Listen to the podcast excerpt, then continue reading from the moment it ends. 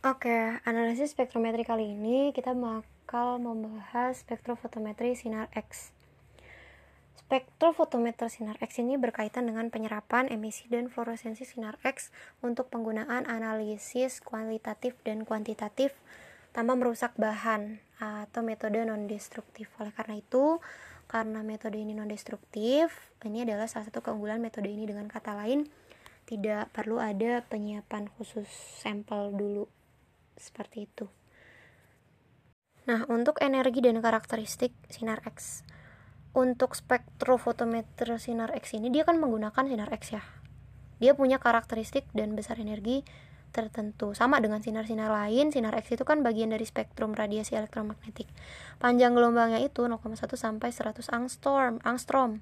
10 nanometer. Jadi energinya itu akan sesuai dengan panjang gelombang yang dimiliki. Kalau diurutkan, kan urutan itu sinar tampak, terus UV, terus vakum, terus extreme UV, soft X-ray, hard X-ray, gamma. Walaupun demikian, sinar X ini kadangkala tidak dinyatakan sebagai panjang gelombangnya, tapi juga dinyatakan sebagai energi foton yang besarnya itu 125 elektron volt sampai 125 eh, kilo elektron volt. Nanti dia menjalan menurut garis lurus dan dapat difokuskan melalui celah sinar X ini bukan uh, partikel bermuatan. Jadi dia tidak dibelokkan oleh medan magnet. Dan makanya sifat ini tuh juga sangat diperlukan. Ikatan kimia yang punya energi 2 sampai 10 elektron volt. Nah kalau energi foton sinar X kan jauh lebih besar daripada energi ikatan kimia. Nah makanya dia bisa memutus uh, ikatan kimia. Nah untuk penggunaan sinar X dalam analisis kimia Sinar X itu dibagi beberapa metode tergantung fenomena yang diamati. Kalau fenomena penyerapan, maka ada metode penyerapan sinar X. Kalau fluoresensi, kita pakai XRF. Kalau yang diamati difraksi, berarti XRD. Dalam analisis, umumnya panjang gelombang yang digunakan 0,1 sampai 10 angstrom hingga 25 angstrom. Ada beberapa cara untuk mendapatkan atau memperoleh sumber sinar X yang digunakan dalam analisis kimia. Yang pertama, membombardir logam sasaran dengan berkas elektron berenergi tinggi. Jadi dengan menggunakan tabung sinar X, prinsipnya adalah bagaimana suatu logam target dibombardir dengan elektron sehingga kemudian menghasilkan sinar X. Kalau kita lihat sebenarnya konstruksinya sederhana. Ada filamen. Ada filamen yang menghasilkan elektron. Kemudian ada beda tegangan yang sangat tinggi sehingga ia akan mengenai elektron yang mengalir. Karena di situ ada katoda dan anoda dan ada logam target, lalu ketika dikenai elektron berenergi tinggi, maka ia akan melepaskan sinar dan akan melewati jendela berilium yang bisa ditembus sinar X atau tidak menyerap sinar X sehingga uh, sinar X yang dihasilkan bisa digunakan untuk keperluan analisis eh jelasnya ada anoda yang memiliki logam target dan ada katoda yang menghasilkan elektron. Elektron yang dihasilkan nanti akan menumbuk logam di katoda sehingga dihasilkan sinar X yang akan keluar melalui jendela berilium. Pada saat logam target itu ditumbuk elektron, selain menghasilkan sinar X, dia juga bisa menghasilkan energi kalor atau panas. Oleh karena itu, logam target perlu didinginkan oleh air yang mengalir. Jadi, ada komponen air yang digunakan untuk mendinginkan logam target rangkaiannya itu ditempatkan di dalam tabung. Kenapa pakai berilium gitu jendelanya? Nah, sinar X kan punya energi tertentu. Dia bisa menembus pada ketebalan tertentu suatu bahan. Berilium digunakan karena dia bisa ditembus dengan baik oleh sinar X. Kalau bukan berilium, maka sinar X nggak bisa tembuk, nggak bisa tembus dan malah terserap. Sementara kalau berilium sinar X bisa uh, menembus dan bisa digunakan untuk keperluan lain jadi sama saja dengan kayak kita kalau di IR kita pakai kuvet dari garam halida karena dia tidak tembus IR kalau X berarti yang nggak tembus IR tuh uh, berilium yang kedua, untuk menyinari bahan dengan berkas sinar X primer sehingga bahan akan memancarkan berkas sinar X sekunder. Jadi berkas sinar X sekunder ini yang disebut fluoresensi sinar X atau berkas sinar berkas sinar X uh, pendeflor. Yang ketiga menggunakan bahan radioaktif, sumber sinar yang menggunakan bahan radioaktif atau radioisotop yang proses pelurahannya disertai pemancaran sinar X. Yang keempat e, dan yang paling baik menggunakan sumber sinkotron yang memproduksi sinar X dengan intensitas yang sangat kuat untuk sumber-sumber sinar X. Untuk spektrum sinar eh, spektrum emisi sinar X kalau misalnya kita amati Bahan sasaran atau logam sasaran yang ditembaki dengan elektron berenergi tinggi akan mengemisikan sinar X yang memiliki dua bagian. Yang satu bagian yang kontinu dan yang satu lagi berupa garis-garis puncak emisi. Jadi ada bagian yang kontinu yang diemisikan, tapi ada juga yang garis-garis emisi dari logam yang ditembaki. Sehingga kita akan punya dua bagian spektrum. Bagian spektrum kontinu dan bagian spektrum garis-garis. Yang perlu diperhatikan adalah spektrum kontinunya. Kalau awal mulanya ada intensitas yang diemisikan itu e, berbeda, tergantung pada tegangan antara anoda dan katoda yang digunakan. Semakin besar tegangan, maka spektrum akan bergeser ke semakin kiri karena panjang gelombangnya lebih kecil. Dengan kata lain, meningkatnya beda tegangan yang digunakan, maka besar energi sinar X yang dihasilkan juga semakin besar atau panjang gelombangnya semakin kecil. Jadi kalau ada kurva itu dengan sumbu X panjang gelombang dan sumbu uh, Y-nya adalah intensitas relatif. Itu intensitas pada panjang gelombangnya itu lebih kecil akan lebih tinggi. Awal mulanya ada intensitas relatif itu intensitasnya naik pada beda tegangan tertentu. Itu disebut sebagai lambda 0. Titik-titik perpotongan mulainya kurva dengan sumbu X. Itu hanya bergantung pada selisih tegangan. Kalau beda tegangannya sama, maka lambda 0 tidak bergantung pada bahan atau sasaran logam yang ditembaki elektron. Sinar X yang dihasilkan dengan lambda sama dengan lambda 0 itu terjadi karena ada konversi total dari energi elektron yang bertumbukan dengan logam yang e, menjadi energi sinar. Energi yang dimiliki elektron pada saat tumbukan nanti akan diubah menjadi energi sinar dan saat itulah timbul lambda nol. Tapi pada saat tumbukan tentu aja kecepatannya akan turun sehingga lama-kelamaan energi kinetiknya akan menjadi nol.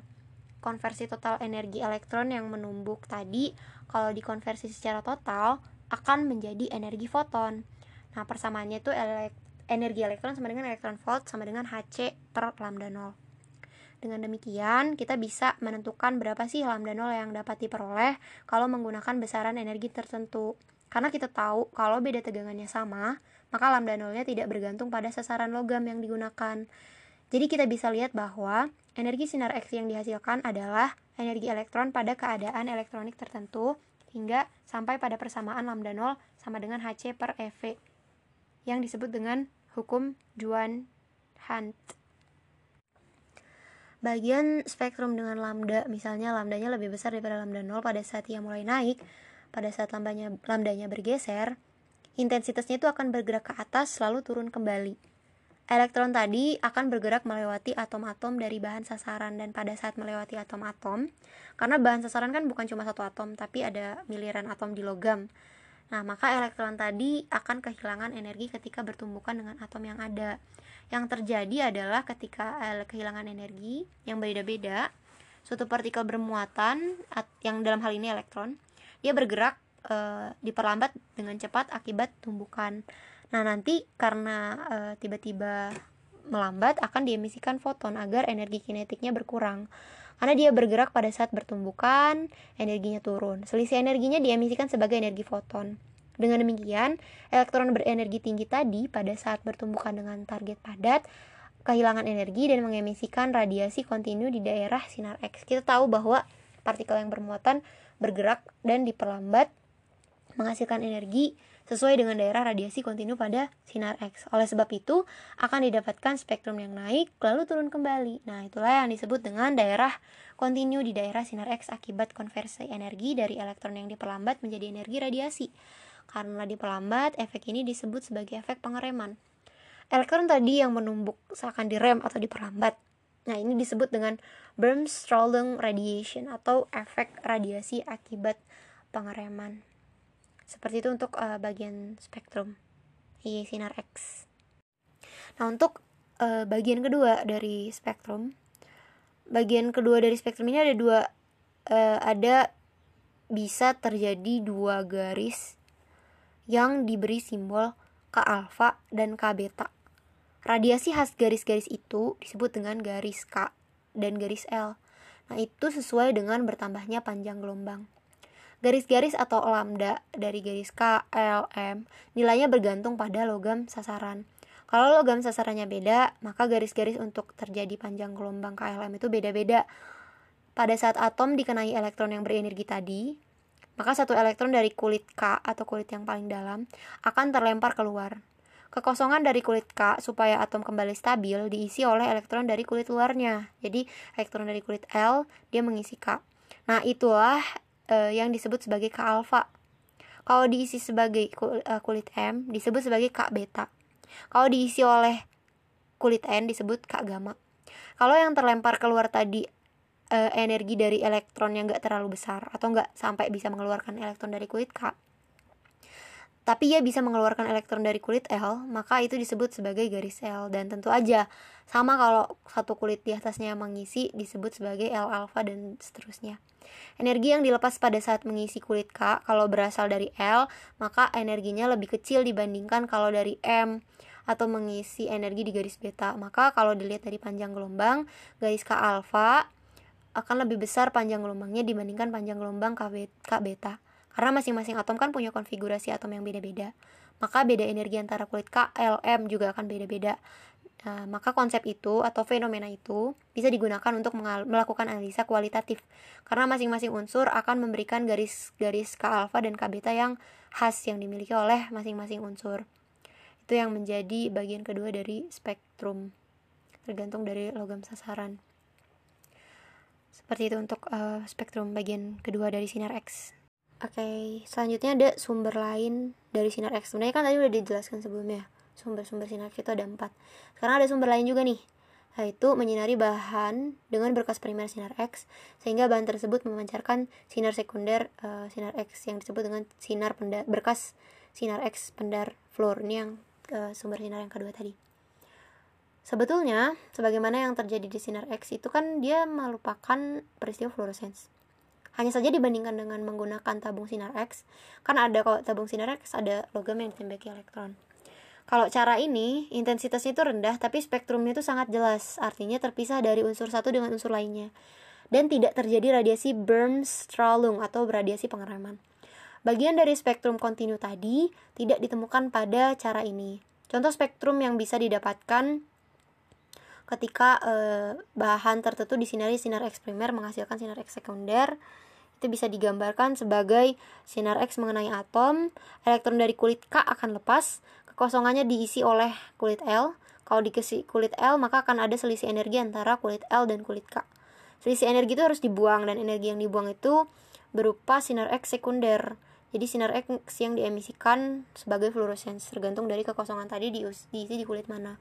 Apakah L atau M dan seterusnya. Maka akan didapatkan garis alfa ke alfa ke beta dan seterusnya. Demikian juga kalau terlemparnya keluar dari kulit L. Maka e, didapatkannya L alfa L beta dan seterusnya. Seperti itu untuk sumber sinar e, X. Ini e, penjelasan lebih rinci lagi untuk pemancaran berkas sinar X primer ke e, sebuah logam menjadi sinar X sekunder Nah, sumber sinar X yang lain itu uh, yang tadi udah dijelasin juga, ini bakal dibahas secara rinci mengenai radioisotop. Nah, kalau bahan-bahan radioaktif, peluruhannya kan bisa menghasilkan sinar X tertentu untuk untuk beberapa bahan tertentu. Dan ini bisa digunakan sebagai sumber. Prosesnya itu seperti penangkapan elektron. Misalnya, ada beberapa radioisotop yang memancarkan sinar X. Kalau besi kan dari 55 Fe jadi 54 Mn, dia bisa menghasilkan sinar X dengan garis K untuk Mn 5,9 kilo elektron volt. Dengan kata lain, panjang gelombang yang beda-beda akan menghasilkan energi yang garis-garis K-nya beda. Ini sumber yang lain ada sumber sinkotron. Ini adalah suatu fasilitas menghasilkan suatu radiasi elektromagnetik terutama sinar X yang konstruksinya itu sangat besar. Bisa seukuran lapangan bola. Jadi ada elektron yang menumbuk, menumbuk logam dihasilkan dari akselerator atau pemercepat elektron sehingga elektron tadi punya kecepatan yang mendekati kecepatan cahaya. Caranya dengan menggunakan medan magnet yang sangat kuat sehingga elektron-elektron bisa dipercepat dengan kuat. Bagian kotak-kotak itu bagian akseleratornya dan ada elektron yang dipercepat sepanjang keliling lingkaran. Elektron tiap kali dipercepat bisa ditumbuhkan dan diarahkan menumbuk logam tertentu sehingga logam akan menghasilkan sinar X dan karena sinar X dibelok, dibel, tidak dibelokkan oleh medan magnet, maka sinar X bisa dipanen. Jadi elektronnya harus terus berputar karena eh, dia bisa dibelokkan atau dipercepat oleh medan magnet. Tapi sinar X yang dihasilkan tidak dibelokkan sehingga kita bisa panen gambar bagian yang eh, keluar dari bulatan untuk eh, sinar X. Penyerapan sinar X bis uh, selanjutnya Yang pertama, ketika penyerapan sinar X terjadi, sinar X bisa diserap oleh bahan tertentu atau unsur tertentu yang pada prosesnya mengikuti hukum Lambert-Beer. Syarat dari hukum Lambert-Beer itu kan sinarnya harus sinar yang monokromatis. Jika sinar X monokromatis, maka intensitas sinar X yang diteruskan sama dengan intensitas sinar X mula-mula dikalikan dengan uh, pangkat loga, uh, pangkat natural uh, atau eksponensial dari negatif ko koefisien serapan linear ini untuk sinar X yang memiliki luas penampang 1 cm kuadrat. Maka mu adalah fraksi sinar X yang diserap oleh tiap 1 cm tebal bahan dikalikan dengan X tebal bahan. Mu itu analoginya itu sama kayak epsilon di Lambert-Beer dan di sinar X disebut sebagai koefisien serapan linear dan e, walaupun sering kali lebih mudah digunakan koefisien bukan serapan linear tapi koefisien serapan massa. Jadi mu massa sama dengan mu per rho atau rho itu densitas bahan penyerap. Hubungan koefisien massa dengan panjang gelombang sinar X yang diserap itu mu massa sama dengan tetapan yang nilainya sama dengan unsur logam Z B besar daripada 13 dikali bilangan Avogadro e, dikali dengan nomor atom pangkat 4 dikali dengan lambda pangkat N N itu adalah tetapan sesuai unsur bisa 2,5 sampai 3 dibagi dengan A atau massa atom. Nah, e, proses penyerapan sinar itu bentuk spektrum sinar X kan beda ya. Dan dia dengan bentuk kurva serapan di daerah lain, baik itu UV, vis, atau IR yang merupakan pita serapan puncak-puncak. Spektrum serapan sinar X itu bentuknya itu seperti patahan atau tepi penyerapan. Jadi dia naik terus tiba-tiba jatuh. Kemudian naik lagi, lalu pada nilai panjang gelombang tertentu dia akan turun lagi, terus naik lagi, seperti gergaji. Kenapa bisa seperti itu? Tepi serapan itu terjadi akibat energi sinar X tadi diserap secara keseluruhan untuk melemparkan keluar satu elektron dari satu kulit. Jadi kalau misalnya elektron yang terlempar dari kulit K, maka tepi serapan itu disebut sebagai tepi serapan untuk garis K. Kalau misalnya detail, maka garis putus-putus adalah spektrum uh, jadi kayak serapan sinar X uh, sesuatu misalnya. Jadi kalau misalnya kita punya suatu spektrum, energi foton dari sinar X kan diserap, maka akan ada energi kinetik dari elektron yang dikeluarkan karena dilepas dari kulit yang terlempar keluar. Akan ada energi kinetik, tapi ada juga energi potensial dari ion yang tereksitasi. Kalau misalnya ada logam M keluar elektronnya, maka M akan menjadi M plus yang mempunyai energi potensial. Tapi elektron yang keluar tadi itu punya energi kinetik. Puncak K yang paling kecil itu kalau misalnya suatu atom menyerap sinar X yang energinya besar persis sama dengan energi yang diperlukan untuk mengeluarkan elektron pada kulit K. Maka dia bisa melepas satu elektron dari kulit K. Jadi serapannya itu akan uh, seperti naik turun naik turun. Jadi um, kalau semua energi diserap dan mengeluarkan elektron pada kulit tertentu. Seperti itu. Untuk contohnya nih ada um, pelumbum dia punya empat puncak serapan untuk K ada L ada uh, dan pertama kedua ketiga Nah, untuk AG ada satu serapan untuk K, tapi serapan lain pada panjang gelombang lain eh, biasanya lebih besar sehingga energinya lebih kecil. Jadi, kemungkinan nggak terlihat karena energinya terlalu kecil. Yang perlu diperhatikan adalah bahwa untuk tepi serapan kulit K, PB dan AG panjang gelombang, tapi serapan K pada AG itu panjang gelombangnya tapi serapan K pada PB. Nomor atom PB kan lebih besar daripada nomor atom AG.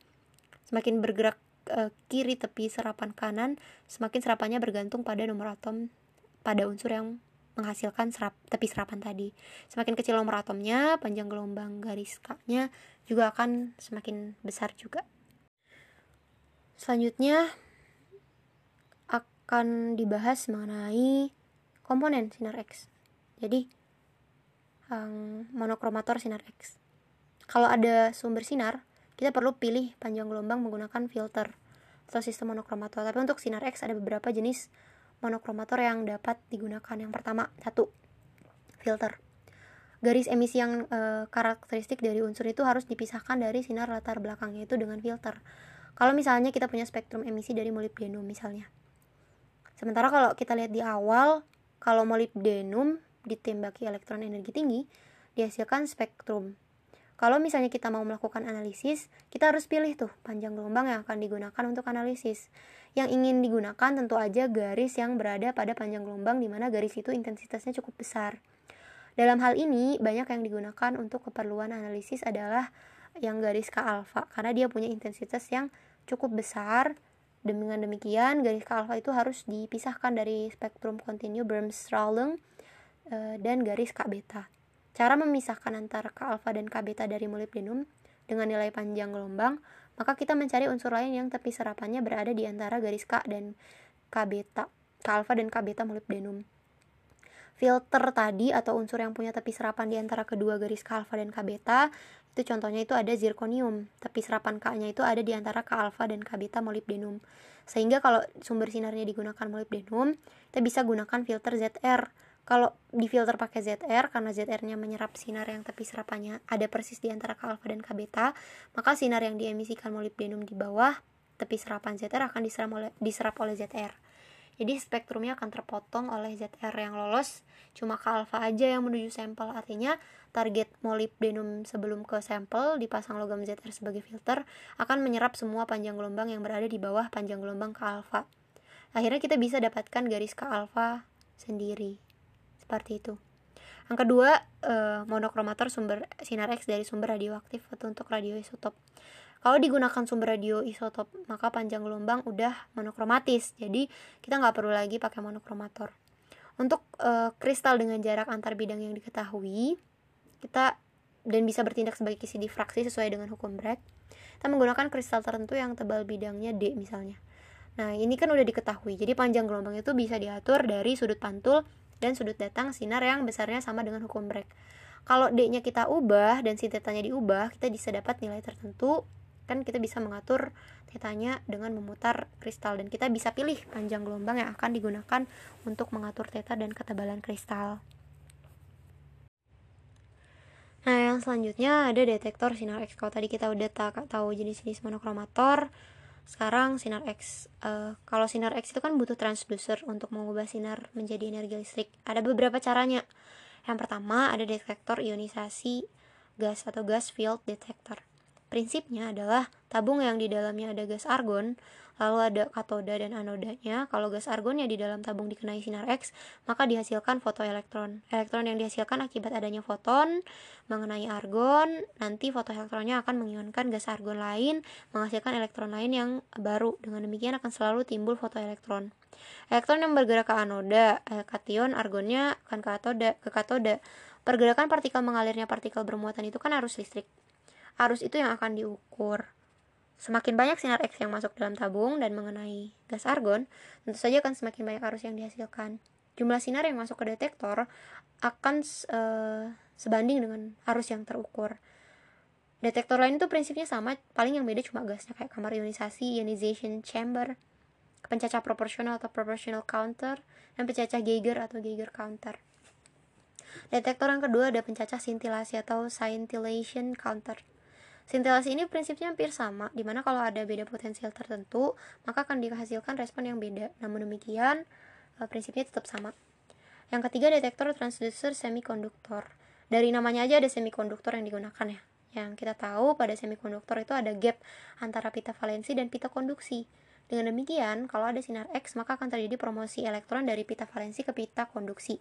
Karena ada elektronnya berpindah dari pita valensi ke pita konduksi, ada hole pada pita valensi. Elektron hole itulah yang dikumpulkan dan memberikan tegangan sekitar 1000 volt. Dengan demikian kita bisa ukur beda tegangan yang diberikan. Berapa sih besar arus yang mengalir pada semikonduktor tersebut? Seperti itu untuk uh, komponen detektor. Oke, mungkin selanjutnya uh, tentang contoh spektrum sinar X dan jenis spektrometer akan dibahas di episode berikutnya mengenai spektrometer sinar X. Terima kasih.